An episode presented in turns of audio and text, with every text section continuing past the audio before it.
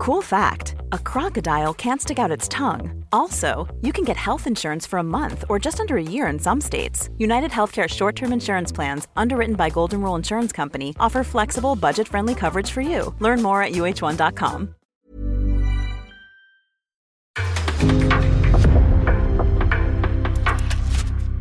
En podcast från Aftonbladet. Let's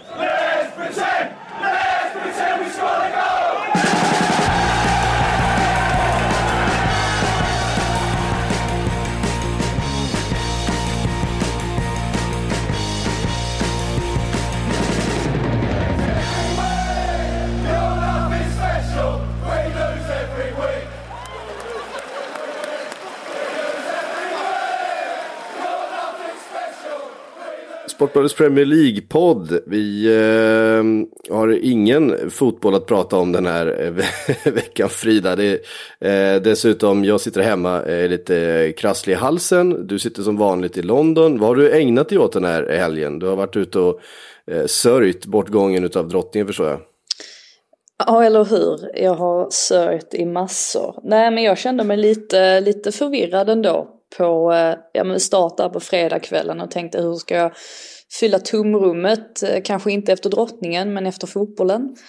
Och eh, lyckades väl med detta i form av lite Bundesliga och lite La Liga och lite Serie A. Så att det är väl det jag har ägnat mig åt den här helgen egentligen. Och försökt ta igen mig för att det är inte ofta man får en helg så här helt, helt ledig. Det är otrolig lyx egentligen. Så att det är väl mest det jag har sysslat med. Verkligen. Um, på tal om det, vi får väl passa på och igen då tipsa. Det finns eh, fortfarande några platser kvar till vår resa till, till London. De, de är snart uppfyllda, men, men några kvar uh, ska vi försöka få med så att det blir helt fullsatt eh, på vår resa till London. Och hälsa på dig Frida. Eh, den 7, 8 och 9 oktober den helgen.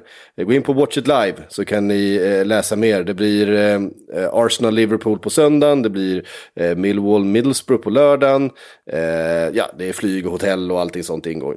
En, en helt superspäckad fotbollshelg i London. Eh, vi passar på att tipsa om den då. Eh, nej men så var det ju, det blev en väldigt, väldigt eh, speciell vecka. Det har ju hänt otroligt mycket sen vi satt här eh, senast. Eh, inte minst då Champions League. Vi hade fiaskon för Liverpool och Chelsea. Ett fiasko för Chelsea som vi Ja, som ju fick stora dramatiska konsekvenser i, i och med att eh, Thomas Tuchel helt enkelt fick sparken. Eh, istället har Graham Potter värvats in. Eh, Ska vi börja med Potter eller Tuchel eller Champions League? Vad, vad, vad tycker du? Ska vi ta i någon slags kronologisk ordning och prata om eh, Champions League-förlusten först då, så får allting bara fylla på efter det. Eh, vad säger du? Ja, det var ju ett tag sedan, det, det, det mesta är ju sagt om den där matchen i och för sig. Ja men förstår ni alla vilka veckor jag har haft? Alltså det, det är ju inte bara det här med drottningen utan det är ju att självaste Graham Potter liksom går till Chelsea. Bara, bara det är ju egentligen helt sanslöst. Och när det här beskedet kom med Tuchel då efter, ja men om man ska ta då matchen mot Dinamo, Dinamo Zagreb. Det var, det var ingen bra insats från Chelseas sida, eh, kan man lugnt säga. De eh, hade ingen fart på bollen, de var inte rörliga. Dinamo Zagreb ville mycket mer än vad Chelsea ville.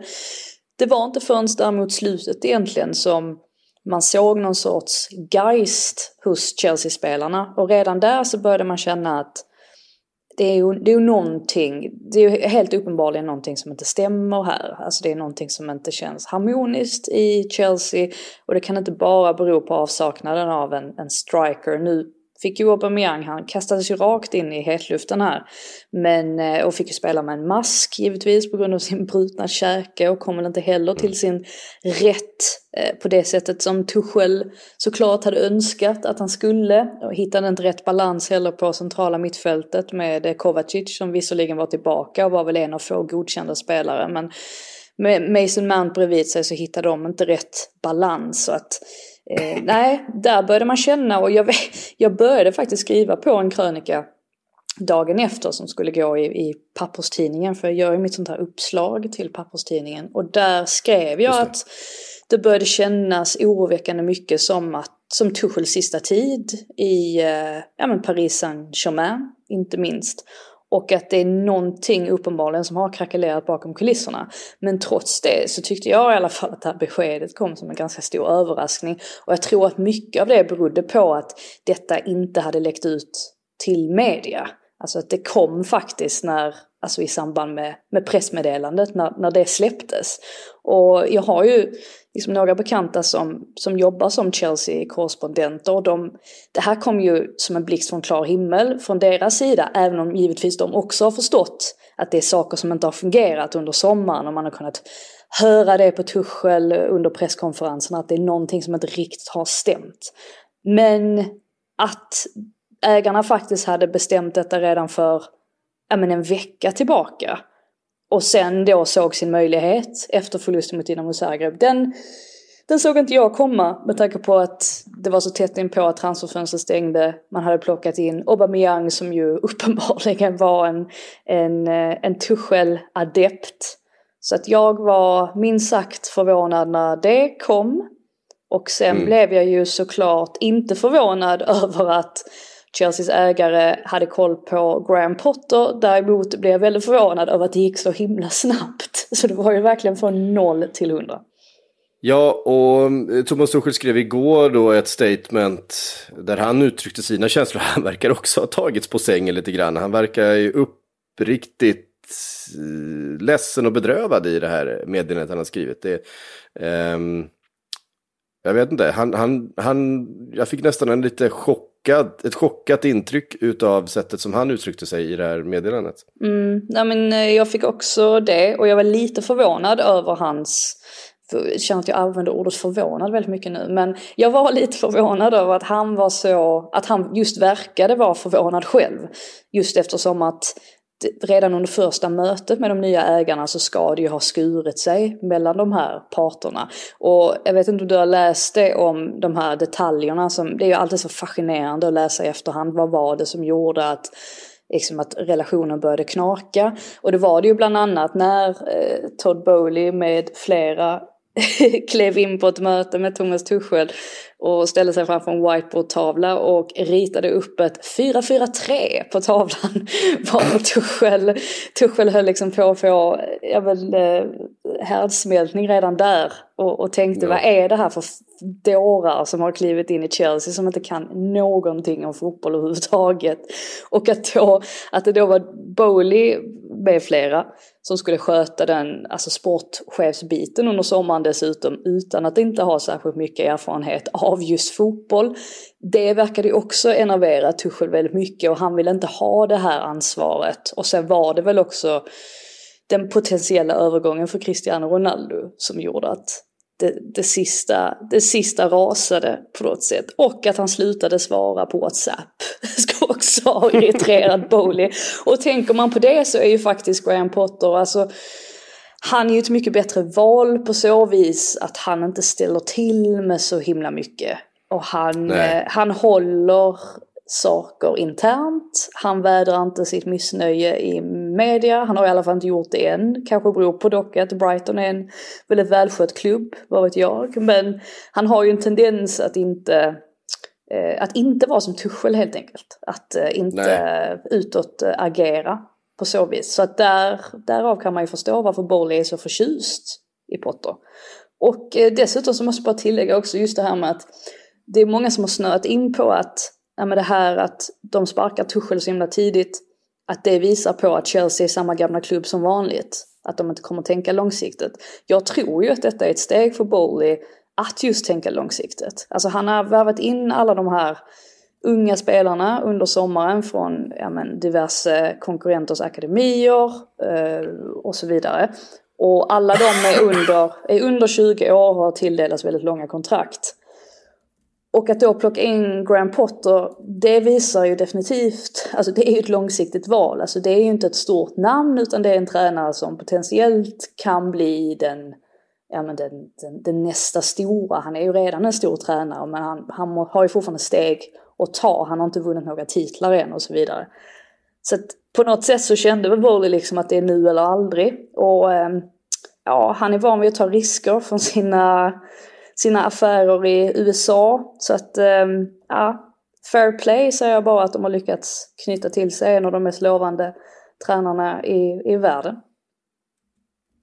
Ja, nej men visst är det så. Och jag fick nästan känslan av att eh, det, här är, det, det, blir ju en konspirationsteori. Jag skrev det ju ganska strax efter att eh, Tuchel hade sparkats och Graham Potter hade seglat upp som en av eh, toppkandidaterna där. Att, kan det finnas någonting i att man såg ett fönster att få in Graham Potter här och att det liksom fattade beslutet åt Bowley snarare än att det var liksom resultaten eller Thomas Tuchel. Eh, vi har ju pratat om att FA har varit intresserade av att eventuellt eh, eh, göra Graham Potter till nästa förbundskapten för landslaget. Det är ju någonting som det har pratats länge om. Eh, vi har ett VM som spelas ganska snart. Eh, man kan tänka sig att det blir det sista som eh, eh vad heter han, förbundskaptenen? Gareth Southgate. Gareth Southgate. Eh, om det inte blir en, en omedelbar succé, där måste man nästan upp och spela en, en, en semifinal för att eh, det ska räknas som, som godkänt för det här eh, engelska landslaget just nu. Um, ja, men då kanske man vill byta ut honom, då kanske det öpp öppnar för att skriva ett förkontrakt med Graham Potter till nästa, liksom, eh, till sommaren. Um, jag vet inte ifall det fanns eh, indikationer som gjorde att eh, ska vi ha just Graham Potter då ska vi agera här och nu. Jo, jag tror det också. Eh, så, eh, och att det var därför som det gick ganska snabbt. Mm. Eh, och att man bestämde sig nu. Man hade kunnat vänta kanske till man visste ju inte att det inte skulle bli någon fotboll den här helgen till exempel, när man fattade det beslutet. Att drottningen skulle dö. Um, Ganska bra timing till... också på ett sätt. Ja, det, blev, det, blev, det blev ju det för dem. Uh, men det var ju mer en tillfällighet. Man hade kunnat mm. vänta annars till ett landslagsuppehåll eller så vidare som kommer ganska snart här också. Uh, men jag får känslan av att uh, man fick en indikation på att ska vi kunna värva Graham Potter så måste vi agera prick nu. Och det gjorde man. Mm, nej men precis. Och nu blir det ju sådär, eh, jag har haft många liksom som har, som har frågat mig nu under helgen och så, alltså särskilt så här engelska kollegor, alltså många i Chelsea som främst har ögonen på Chelsea och kanske inte tittar så mycket på vad Brighton har gjort det senaste året. Alltså hur, hur tror du det kommer gå för, för Potter? För att det känns inte som att folk eh, Folk vill vara väldigt optimistiska men att de kanske inte riktigt vågar vara det fullt ut. Men jag känner ju mig ganska säker på att Alltså om det skulle, om det inte skulle bli bra, alltså om det skulle misslyckas, då känns det inte riktigt som att det skulle vara Potters fel på något sätt. Alltså det är ju det är stora ord att säga innan vi faktiskt vet hur han fungerar i en storklubb. För det är ju enorm skillnad på att träna Brighton kontra att träna, träna Chelsea. Alltså onekligen med all politik utanför planen. Det är betydligt större egon i omklädningsrummet antagligen som han ska försöka ja, men hålla, hålla nöjda. Men om det är någonting som han är väldigt skicklig på så är det just man management. Och därför känner man ju att om det är någon som, ja men om det är någon som ska kunna få liksom ordning på detta och göra så att Chelsea drar åt samma håll igen så är det han på något sätt. Och det är ju verkligen, det är ju verkligen den egenskapen som utmärker honom. Att han är så himla duktig på att ta människor och att han då har sån sånt fantastiskt öga för taktik. Och de två egenskaperna ihop, jag vet inte, jag, jag, tror att det kan bli succé. Men det hänger förstås på att han får gärna få en, en liten bra start och sådär och, och, tid på sig, inte minst. Men jag tror han kommer få tid ändå. Det är, det är den känslan man har att detta, som sagt, att detta var ett, liksom ett eh, långsiktigt strategiskt steg från Bowley och, och Koppets sida. Ja, vi måste ju här komma ihåg, även om det är Graham Potters, eh, alltså att Graham Potter är en av världens absolut mest spännande, mest lovande eh, tränare vi har. Det här är hans första storklubb. Det här är hans första riktiga, liksom internationella storklubbsjobb han har. Och det är skillnad. Eh, nu ska vi inte göra liksom några jämförelser i övrigt med David Moyes till exempel. Men han hade extremt lång erfarenhet från Premier League, varit i Everton i massa år. Eh, gjort fina resultat, var väldigt lovande, liksom handplockad in till Manchester United. Och där var det så uppenbart att den kavajen var för stor. Eh, sen har han hamnat i en, en roll i West Ham eh, några år senare som passar mycket bättre. Ja, men då är han tillbaka och gör resultat. Eh, truppen mår bra, laget är välskött och så vidare. Mm. Eh, så att finns ju en skillnad mellan de här två och det är det ju finns, att, ja, det att finns, ja, det finns många skillnader. Det finns många men det finns, de Men det finns en skillnad eh, särskilt och det är ju att Potter är betydligt mer flexibel rent taktiskt. Eh, David Absolut. Moyes är inte det och just därför så tror jag att jag tror att spelare som har tränare och jag tror att det var så i Tuchels fall också att som också är en väldigt väldigt duktig taktiker och att jag tror att spelarna får väldigt stort förtroende för en tränare som är duktig på de bitarna. Och Potter är bevisligen också en sån tränare som är väldigt duktig på att ja, men rent pedagogiskt tala om för spelarna hur de ska utföra hans taktik. Och jag tror att det, det är en jättefördel när man kliver in så här och jag tror att det kan vinna över respekten hos många av de här spelarna också. Eh, Men såklart, klart att det är en helt annan grej. Det, det går inte att sticka under stolen. Nej, men det som, det som eh, gör Graham Potter så extremt spännande är ju att han verkar ha alla delar. Men han är dels den här man-managern eh, som inte heller är rädd att kliva ur varken sin eller spelarnas comfort zone för att eh, han tar det här med, med gruppen, med gruppdynamiken på extremt stort allvar. Vi kommer ihåg liksom historierna om, om dramalektionerna i Östersund och, och allt som han har gjort liksom i England sen han kom dit också. Eh, hur han har svetsat ihop det här Brighton, eh, hur han har fått dem att spela på ett speciellt sätt. Och dessutom är en, en fantastisk matchcoach, en, en duktig taktiker, hyllas konstant av eh, Pep och Klopp och så vidare för sina matchplaner. Och vi ser ju också hur han eh, faktiskt eh, med så begränsat material, med så begränsade resurser hela tiden hittar sätt att vinna fotbollsmatcher och att faktiskt eh, vinna även mot de bästa lagen. Um, så att det, just det här att han, att han har hela det här paketet, Graham Potter, gör honom ju så eh, intressant. Det vi inte vet om honom är ju just det här. Hur fungerar han i det här strålkastarljuset? Hur fungerar han med den här pressen på sig? Hur fungerar han liksom på den stora internationella scenen? Eh, det finns ju ingenting som talar för att han inte skulle lösa det också. Han har ju löst allt annat som han har liksom tagit sig för i sin, eh, i sin tränargärning så här långt. Så det ska bli eh, väldigt, väldigt spännande att, följa givetvis. Ja, han var lite osäker på huruvida han skulle bo kvar nu i Hove, eh, där han och familjen bor. Alltså nere vid eh, sydkusten eller om de ska flytta. Och å ena sidan så har han fått leva ett väldigt anonymt liv där nere. Att det är ganska skönt för honom att bo där. Samtidigt så vet han ju inte nu hur Brighton-supportrarna, hur de känner inför att han lämnade så här plötsligt. Ehm, det är ju, jag kan ju förstå dem, alltså att det känns snopet och de hade givetvis hoppats att, ja, de rent av skulle kunna slåss om Europaplatsen den här säsongen för så såg det ju onekligen ut fram tills nu. Och sen så, ja, och sen så förlorar man, eh, man honom sådär in över en natt egentligen som det väl kändes för dem i alla fall. Eh, så jag har ju full förståelse för att det känns Ja, det måste kännas tungt för Brighton-supportrarna och just det här att det blir ju liksom ännu en påminnelse om att pengar trumfar allt inom fotbollen. Det, mm. ja, det, det, det var ett mer attraktivt jobb, han kommer få mycket, mycket mer i lön. Det är svårt, var, ju, var ju svårt för honom att tacka nej och han kände ju uppenbarligen att timingen, timingen var bättre nu jämfört med när han fick ett jobbförslag från Tottenham då när jobbet gick till Nuno Espirito Santo eh, till slut efter många om och men. Men eh, ja, fotbollen är ju sån här. Eh, att de, de storklubbarna, de, de har alltid, alltid sista säget på något sätt. Mm. Ja, verkligen. Och ehm, eh, ja, det blir ju också väldigt intressant att se vad som händer med Brighton nu. Ja. Eh, för det har ju varit hela den här säsongens, alltså Brighton kan vara med, de kan utmana. Det största faran för dem, det är om någon av storklubbarna sparkar sin tränare och värvar över Graham Potter.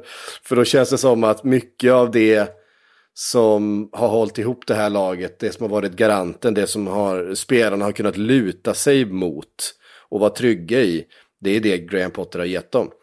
Mm. Det är i alla fall känslan man har haft. Så att eh, vi får se hur de tar sig vidare. Mm. Eh, och vem, vem de anställer som eh, Potters ersättare. Ja, de har ju en, givetvis en lista med olika kandidater. Kjetil Knutsen är ju ett av namnen som har nämnts då, eh, norrmannen. Eh, Roberto De Serbi är en annan. Eh, de är ju väldigt smarta och alltid varit, alltså på rekryteringssidan. Nu är ju inte Dan Ashworth där längre, men de har ju fortfarande väldigt kompetenta människor i, i ledningen och styrelserummen. Så att jag hoppas ju Just. att de får dit, att de prickar rätt igen med en tränare och att de fortsätter på den här framgångsvågen som, som Potter ändå var med och, och startade.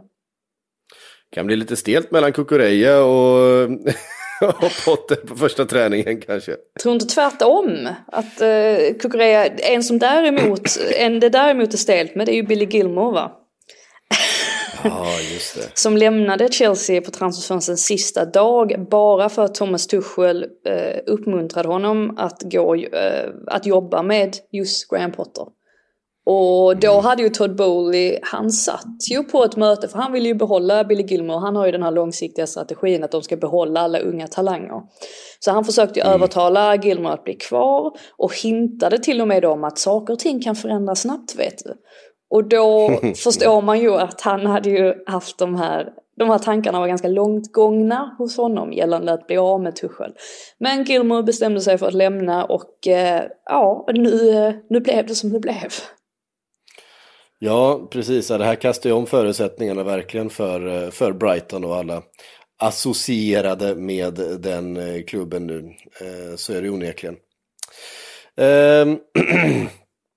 Vi får väl se vad som händer där då. Det, vi fick en fråga här angående vad vi tror den första eh, startelvan kan bli för, för Graham Potter. Det är väldigt svårt och mm.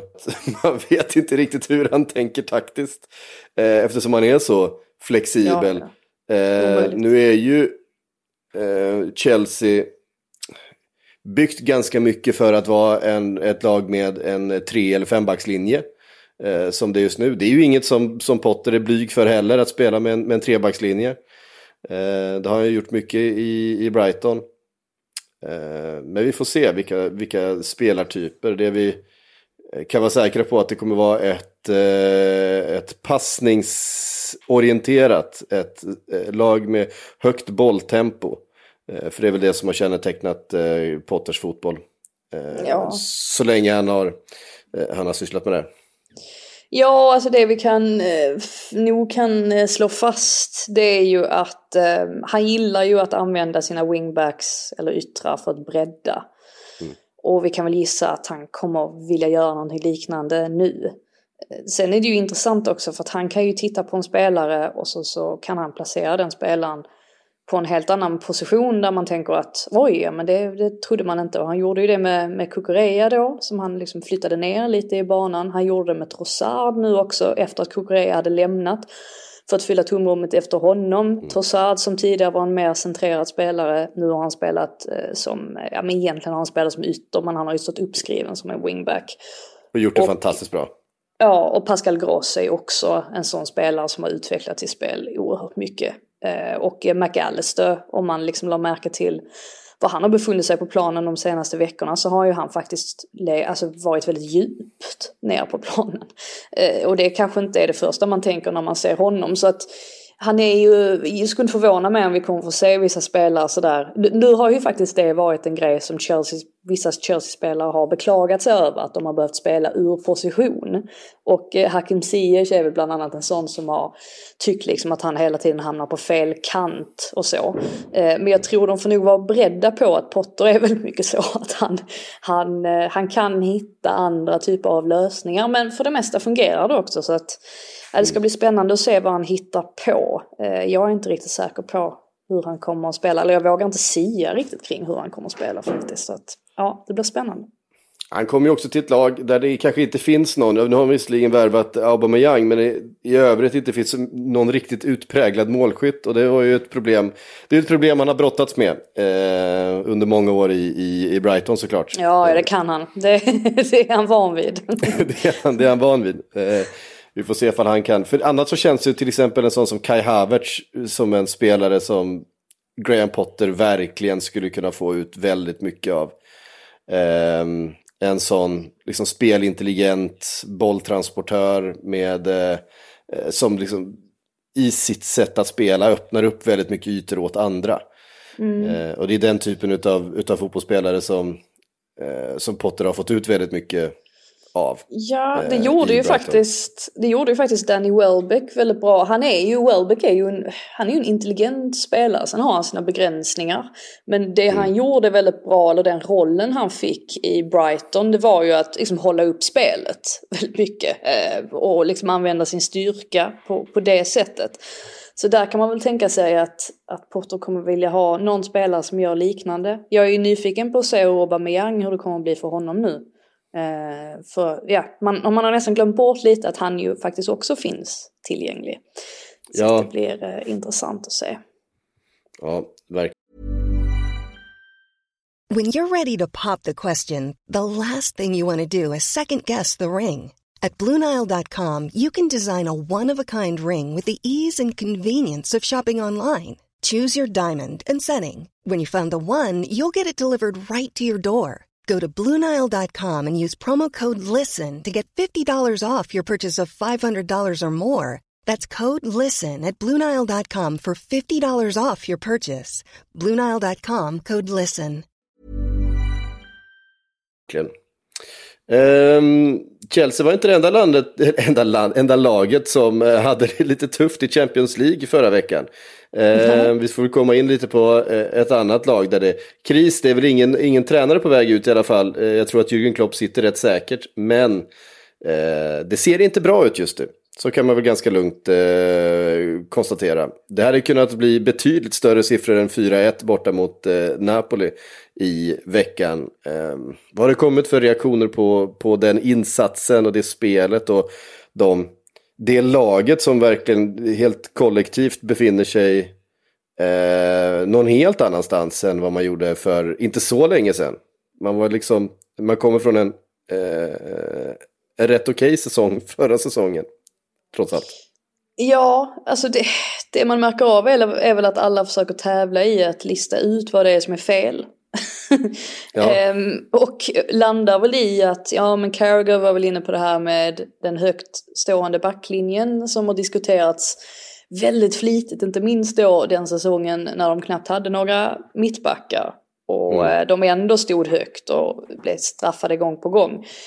Men jag landar väl egentligen mest i, och just i mötet med Napoli så särskilt högersidan var ju katastrofal med Alexander Arnold som men han, som sagt, vi har sagt detta hundra gånger att hans starka sida är inte defensiven. Men samtidigt så märker man ju att han har ju inte längre någon som täcker upp för honom riktigt. Alltså hans, tanken med honom är ju alltid att han liksom ska, han ska gå, fram, gå framåt i, i planen. Men nu har han liksom ingen som täcker upp. Och sen så plus att han, man, man ständigt ser honom halvjogga lite lojt hemåt. Ja. Eh, och det kan jag förstå om man blir fullständigt vansinnig på som supporter när man ser han spela. Alltså en högerback liksom jogga hem lite sådär ointresserat. Och så Joe Gomez på det som var helt under isen. Men är inte ändå det största problemet att nyckelspelarna är helt ur form? Alltså jag tänker van Dijk är inte på den nivån som vi har sett honom tidigare eller som vi förväntar oss av honom. Mohamed Salah har vi inte riktigt sett heller på den nivån på ett tag. Ja, Community Shield-finalen var han ju bra i. Eh, Men Ja. vi har inte riktigt sett, alltså han, tidigare har ju han liksom konsekvent levererat. Och det har vi inte riktigt sett den här säsongen. Och plus då att man har ett mittfält som är väldigt wobbligt, föråldrat. Spelare som helt enkelt inte har farten längre. Det är väl, det är väl egentligen de grundbultarna som, ja, men som det är störst problem med just nu. Ja, nej, men jag, jag håller helt och hållet med. Det, det är klart att man saknar en spelare som Sadio Mané i ett sånt här läge som ju avgör matcher och som är eh, givetvis en fantastisk spelare. Och att man då har fått laborera lite grann med andra uppställningar, lite andra positioner på, eh, alltså Luis Diaz är inte samma eh, typ av fotbollsspelare som Sadio Mané. Han är en annan typ av vänsterytter. Eh, han har varit väldigt, väldigt bra, men han är en annan Ja. typ. Eh, vilket då gör att posi- positionen för den som spelar centralt, om det då är Roberto Firmino, som har varit ganska bra den här säsongen, har gjort ganska mycket poäng. Eh, men framförallt Mohamed Salah förändras lite grann. Ehm, och det har man då liksom inte riktigt hittat fram till samtidigt som man har haft den här mittfältsproblematiken där eh, spelare som Harvey Elliott har fått ta ett jättestort ansvar trots att han inte är helt inspelad i, i rollen. Han är jätteduktig på vissa saker. Eh, han är jätteduktig med bollen, han är duktig offensivt men defensivt så har han ju inte alls det ansvaret som till exempel en Jordan Henderson har haft tidigare säsonger.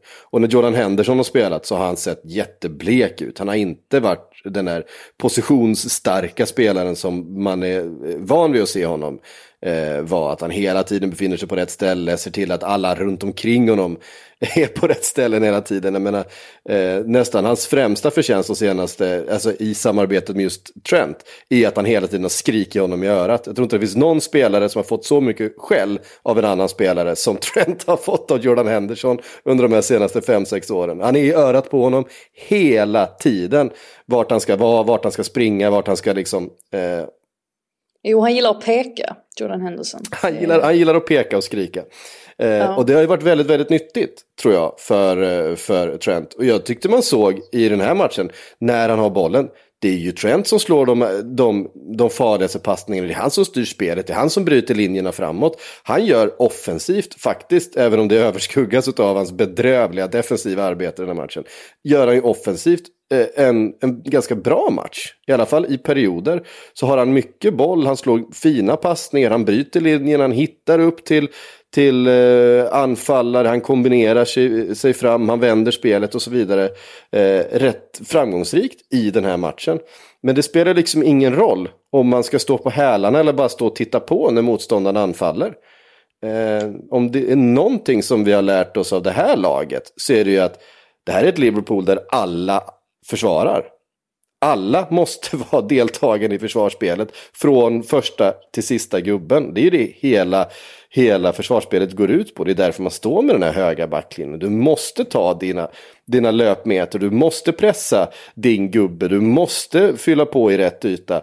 För att om, om en eller två spelare inte gör det, men då blir de här luckorna eh, helt uppenbara.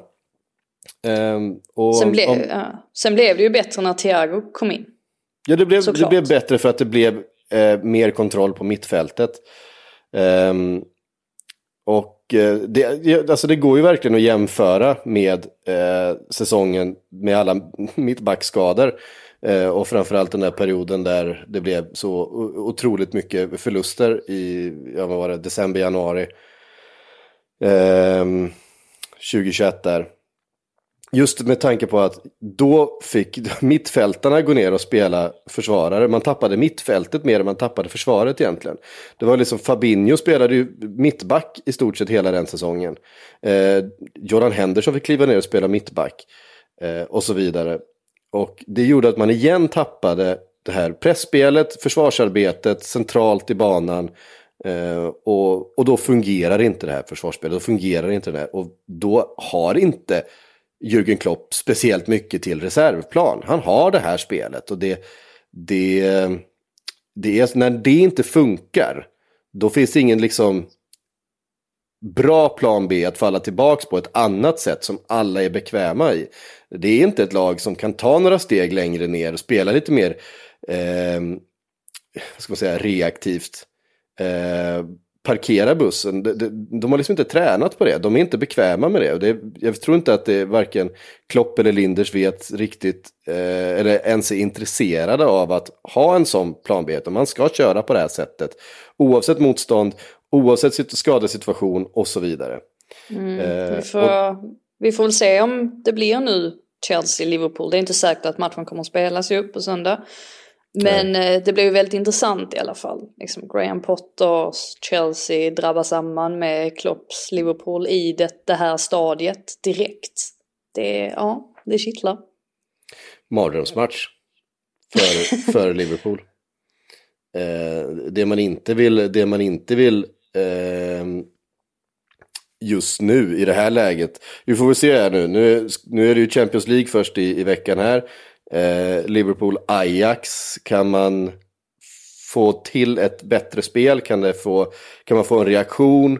Vinna den matchen kanske, eventuellt hålla nollan till och med.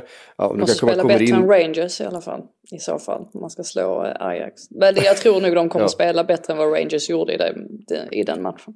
Ja, det, det, det, får vi verkligen hoppas. Eh, då kanske man kan komma in med lite självförtroende.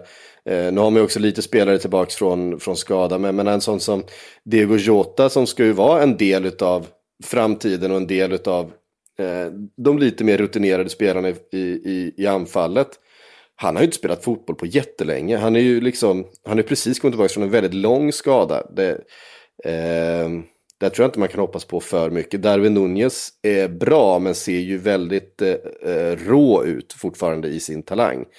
Eh, och Mohamed Salah helt ur form. Eh, Van Dijk helt ur form. Ja, vi får se. Det är, mm. det är en, en rejäl uppförsbacke i alla fall för, för Liverpool och för Jürgen Klopp. Får man säga. Eh, eh, ska vi säga någonting mer om eh, eh lagen i Europaspelet då som hade, var den fotbollen vi hade senast. Manchester City vann sin match, eh, föga förvånande. Eh, Erling gjorde mål igen, eh, ja. som han gör. Som han gör. Det är väl ja, finns inte så mycket att säga längre om honom, höll jag på att säga. Men eh, han kommer göra sina mål den här eh, säsongen, så mycket kan man ju eh, hugga fast ändå. Eh, så mm. att ja, det blev ju en, eh, en, säker, en säker seger till slut. Om jag ger dig oddsen två mot en att eh, Manchester City vinner Champions League i år, tar du det då? Alltså jag har ju och det vet ju du också att jag har ju tippat att Man City ska vinna Champions League de senaste, är det tre eller fyra åren? Jag, jag vet inte om det är tre eller fyra år. Och jag, jag har i alla fall, det har i alla fall känts som att man har kommit närmare och närmare och närmare. Så nu känner jag väl att det är nu eller aldrig. Det sa jag i och för sig förra säsongen också. Men nu, nu är det nu eller aldrig. Så ja, jag kommer tippa Man City som vinnare en sista gång. Och misslyckas de den här säsongen, aldrig mer. Då, ger, då ger jag upp. Då ger jag upp. Ehm, även eh, Tottenham vann sin eh, Champions League-match, sin återkomst till, eh, till ja. den turneringen. Där var jag. Ehm, där var du. vad finns det att säga om den matchen? Jag minns knappt hur den var, jag minns det var så länge sedan och det har hänt så otroligt mycket. Men, och samtidigt, som, samtidigt som Liverpools match. Så det kanske är därför du inte riktigt har, har tänkt på den. Jag tittade eh, inte. Richarlison med två mål, så mycket minns jag. Ja men precis. Det var en klassisk Tottenham första halvlek. Så kan man ju säga och det innebär alltså att det faktiskt var Marseille som höll i bollen, hade störst bollinnehav. Eh, det som Marseille saknade var en ordentlig spets vilket gjorde att de inte kom till särskilt alltså, många heta lägen under första halvleken. Så den påminner faktiskt lite om matchen mot Wolverhampton för inte sådär jättelänge sedan som också hade just det problemet. Ehm, och sen så i andra halvlek då, ja men så, så spelar ju Tottenham upp sig lite mer. Ehm, Son får en boll i djupled, han eh, fälls. Eh, Marseille får en man utvisad, en Bemba tror jag det var. Han får kliva av och sen så får Tottenham spela i stort sett hela andra halvlek med en man mer då. Och det gör ju att de till slut, efter många om och men, så kan de få in det här första målet genom Richarlison och sen gör han sitt andra mål liksom fem minuter senare. Han behöll dock tröjan på den här gången. Så han hade, han hade lärt sig att det är inte värt att dra av sig tröjan fall ifall ett mål blir bortdömt för VAR eller efter VAR-granskning. så att, ja, skön, skön seger för Tottenham men det var inte på något sätt som att de Imponerande. Eh, Hong Min Son eh, ser fortsatt ut att vara lite urslag. Kulusevski inledde ju på bänken här. Richarlison har ju faktiskt plockat hans startplats nu de senaste matcherna.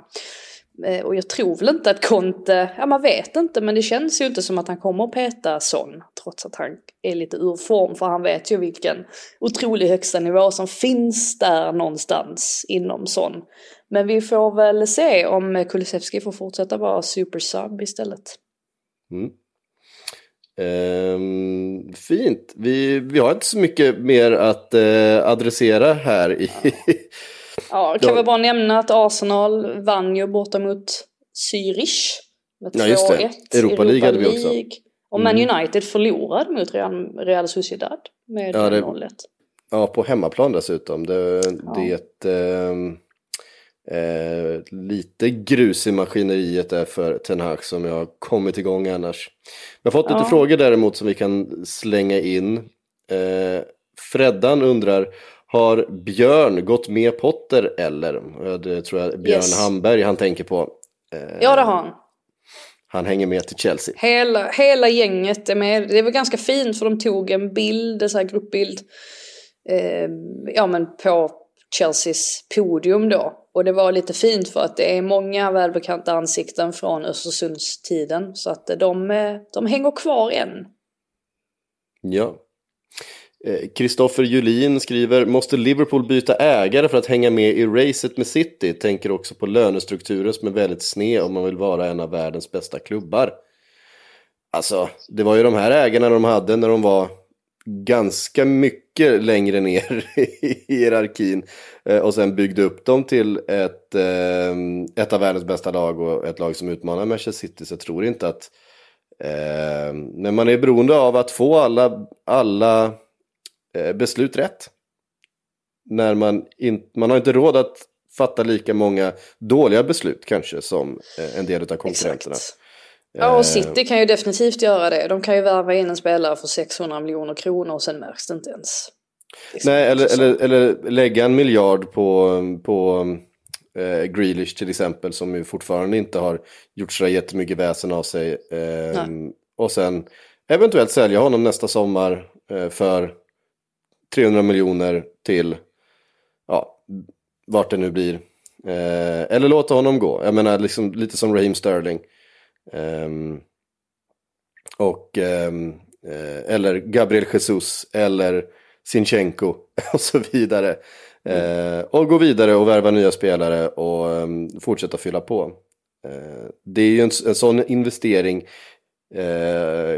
kan ju Liverpool också göra, men man kan inte göra den och att den inte funkar sen. Eh, Darwin Nunez till exempel kostade en miljard. Han måste funka, han måste spela för det här laget. Annars måste han säljas för lika mycket pengar igen. Eh, så att eh, det är väl det. Det går, men frågan är om det är önskvärt eh, att ha andra ägare. Jag som Liverpool-supporter kanske inte ser vilka det skulle vara i sådana fall jag hellre skulle ha eh, i sådana fall. Um, Hi I'm Stereo Mike skriver, hur mycket tid kommer Potter få? Hörde att han skrev på för fem år, men han kommer väl inte vara kvar hela den tiden. Eh, det får vi väl se, det är, det är inte många Chelsea-tränare som är kvar i fem år. Eh... Nej, jag tror väl att det är Bowleys mål i alla fall, att han ska vara kvar alla de fem åren.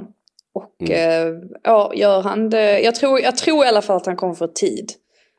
För att annars så finns det liksom ingen logisk förklaring till att plocka in just Potter. Utan han, han måste få tid på sig att, eh, ja, och verkligen ges chansen här att kunna bygga någonting långsiktigt. Så att, eh, jo, jag tror att han kommer få ganska mycket tid på sig. Mer än vad många verkar, eh, mer än vad många andra verkar tro sett till Chelseas historik. Mm. Emanuel Furuholm eh, skriver, vilket lag gynnas mest av ligapausen? Chelsea, Brighton eller ett Liverpool i kris. Jag skulle vilja säga så här, Chelsea uppenbarligen gynnades ju av att man kunde byta tränare och att han fick då några extra dagar på sig att uh, installera sig, träna med laget, uh, börja sätta någon slags struktur, uh, bekanta sig med spelarna överhuvudtaget. Uh, jag menar, säg att han kommer in på på onsdagen eller torsdagen och sen så är det match på lördagen igen, då hinner man ju knappt säga hej till varandra innan det ska liksom eh, tas ut startelvor. Nu får han ju en vecka på sig här mellan Champions League-matcherna. Eh, Men det var, det var ju detta jag kände, alltså när jag fick, eller när beskedet kom då att Premier League-omgången skulle ställas in. Det första jag tänkte, och det är väl det många har fel för sig, att visst Premier League det, det, finns ju liksom en styrelse i Premier League men klubbarna var ju med och kom fram till det här beslutet. Och det första jag tänkte var att det är nog rätt många klubbar som inte tackar nej ändå till en uppskjuten omgång. Tänker på alla de som spelade Europaspel, det var ju långt fler än, än storklubbarna. Eller West Ham är också en sån klubb som spelade mm. tidigare i veckan. Och eh, sen Leeds med sina skadebekymmer kanske inte heller tackade nej till en uppskjuten omgång. Så det fanns ju faktiskt rätt många som tjänade på detta. Ja men till och med ja, men Wolverhampton också som vill eh, få Diego Costa redo och så. Ja, rätt många exempel på klubbar som tjänade på det här faktiskt. Om man nu ska vara lite cynisk också kring varför eh, omgången blev uppskjuten. Nej men visst, och, och, det var min första tanke också att det är ju framförallt de klubbarna som spelar i Europa. Det är ett otroligt tufft spelschema just nu. Eh, att få en, eh, en extra helg, det handlar ju bara egentligen om några dagar extra. Att eh, ladda batterier på, att ta hand om slitna spelare, gör, köra lite rehab, eh, kunna träna lite extra eh, i ett sånt här läge, det, det gynnar ju dem. För jag menar, mm. annars är det ju match var tredje dag i stort sett eh, nu under eh, de närmsta ja. veckorna för, för alla lag som spelar i Europa. Jag antar att man får trycka in de här matcherna någon gång i vår istället. Jag, jag vet inte riktigt hur man ska... Ja, det är svårt att få in dem nu i alla fall innan VM. Det är ju helt galet vad mycket ja. matcher det spelas. Ja, verkligen. Eh, men då kanske inte alla av de här lagen som fortfarande är kvar i Europa. Eh, det är kanske lite enklare att ta dem ja. Eh, längre fram. Vi får se. Men här och nu tror jag också att det är, främ, främst lagen som spelar i Europa som gynnas. Jean-Pascal Stryver undrar, nästa tränare att få sparken? Rodgers undrar han. Och han ligger väl bra till. Om han ja. inte liksom, han kan ju inte säga upp sig för då, då blir han ju av med sin, med sin lön. Han, han måste ju få sparken. Han sitter kanske och hoppas på att få sparken. För det känns som att han är rätt, spelarna är färdiga med honom och han är färdig med dem.